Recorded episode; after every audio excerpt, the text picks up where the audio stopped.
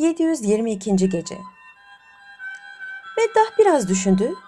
Sonra hayret eder gibi bir tavır takınarak. Oğlum dedi, sen Seyfülmülük hikayesini nerede duydun? Bu pek garip ve acıklı bir hikayedir. Ben bu hikayeyi şimdiye kadar hiç kimseye söylemedim. Ve burada onu benden başka bilen de yoktur. Babam Hindistan'ın en eski ve en meşhur meddahıydı. Ölümünden birkaç gün evvel bana bu hikayeyi anlattı ve bitirince de bana bunu gizli tutmamı, hiç kimseye de anlatmamamı tembih etti. Bu yüzdendir ki bu memlekette Seyfül Mülük hikayesini benden başka bilen yoktur. Vezir Hasan'ın adamı Meddah'ın ayaklarına kapanıp yalvarmaya başladı. Çok rica ederim. Bu hikayeyi bana anlatın yahut yazıp verin. Ne kadar para isterseniz hemen vermeye hazırım. Meddah başını önüne eğdi. Biraz düşündükten sonra oğlum dedi ben ne kadar yoksul düşsem bu hikayeyi para ile satmam. Bunu babama vaat ettim. Ahtımı bozamam. Yalnız beni düşündüren bir nokta var. Bu yaşa geldim geleli bana Seyfül Mülük hikayesini kimse sormadı. Yalnız sen sordun. Daha ileri giderek de mutlaka öğrenmek için ısrar ettin. Eğer bu hikayeyi sana anlatmazsam benimle mezara gidecek ve cidden pek yazık olacak. Bu hikayeyi anlatmak için altı şart koşacağım. Şartlarımı kabul edersen ne ala. Kabul etmezsen ben de hikayeyi anlatmam. Vezir Hasan'ın adamı gözleri sevinçle parlayarak Allah size uzun ömürler versin dedi. Şartlarınızı şimdiden kabul ediyorum. Zaten hikayeyi öğrenir öğrenmez bu diyardan derhal gideceğim. Fakat sizden bir şey daha rica edeceğim.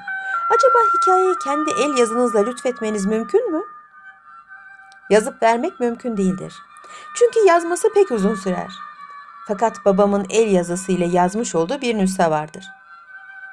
Rahmetli babam fevkalade ehemmiyet verdiği Sülfül Mülük hikayesini bizzat yazmış ve gümüş bir muhafaza içine koyarak bana armağan etmişti. Şimdi şartlarımı dinle ve bunlara riayet edeceğine dair de söz ver. Meddah bir müddet sustuktan sonra şartlarını saymaya başladı. 1. Bu hikayeyi yol üzerinde oturup gelene geçene, iki bekarlara, üç kölelere, dört cariyelere, beş cahillere nakletmeyeceksin. Altıncı şartım da şudur. Bu ülkede hiç kimseye anlatmayacaksın. Eğer bu şartları kabul ediyorsan, kabul ediyor musun? Vezir Hasan'ın adamı düşünmeye bile lüzum görmeden bu şartları kabul etti ve harfi harfine tutacağına da söz verdi. Beraberce Meddah'ın evine gittiler. İhtiyar sandıktan çıkardığı gümüş muhafaza içindeki bu hikayeyi vezirin adamına teslim etti. O da itina ile koynuna soktu. Meddah'ın elini öperek hana döndü. Hemen atına binip Şam'dan ayrıldı. Adam birkaç hafta sonra memleketine dönmüş, doğru da Vezir Hasan'ın konağına gitmişti. Derhal gümüş muhafaza içindeki hikayeyi efendisine teslim etti. Bundan çok memnun olan vezir, vaat ettiği beş bin altını saydı. Adama bir de mükemmel bir takım elbise verdi. Ayrıca da birçok ihsanlarda bulundu. O zamana kadar evden dışarı çıkmayan, kendisini seyahate çıkmış gibi gösteren kurnaz vezir saraya gitti. Hükümdarın huzuruna girdi, el ve etek öptükten sonra Efendimiz dedi. Fevkalade memnun kalacağınız bir hikaye bulup getirdim. Yalnız sizden bir ricam var. Nedir bu rica? Yoksa hikaye elde etmek için yaptığın masrafları mı istiyorsun? Böyle bir şey hatırımdan bile geçmez devletlum. Ricam şudur. Memlekette ne kadar akıllı bilgili adam varsa hepsinin gelip bu hikayeyi dinlemesine irade buyurmanızı istiyorum. Yine sabah oluyordu. Hükümdar masala ertesi akşam devam edilmesini istedi. Şehrazat da yarıda bıraktığı masalına ertesi akşam şöyle devam etti.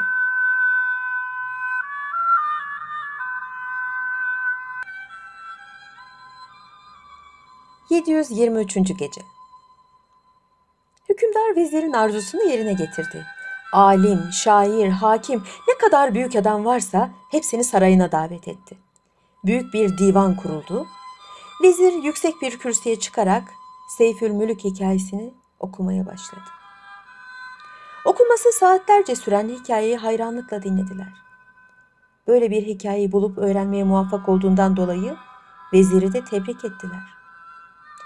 Hükümdar son derece hoşlandığı Seyfül Mülük hikayesinin altın yazı ile yazılarak hazinede saklanmasını emretti ve ara sıra bu hikayeyi okutup dinleyerek gönlünü eğlendirmeyi de adet haline getirdi. Bu hikaye şöyledir.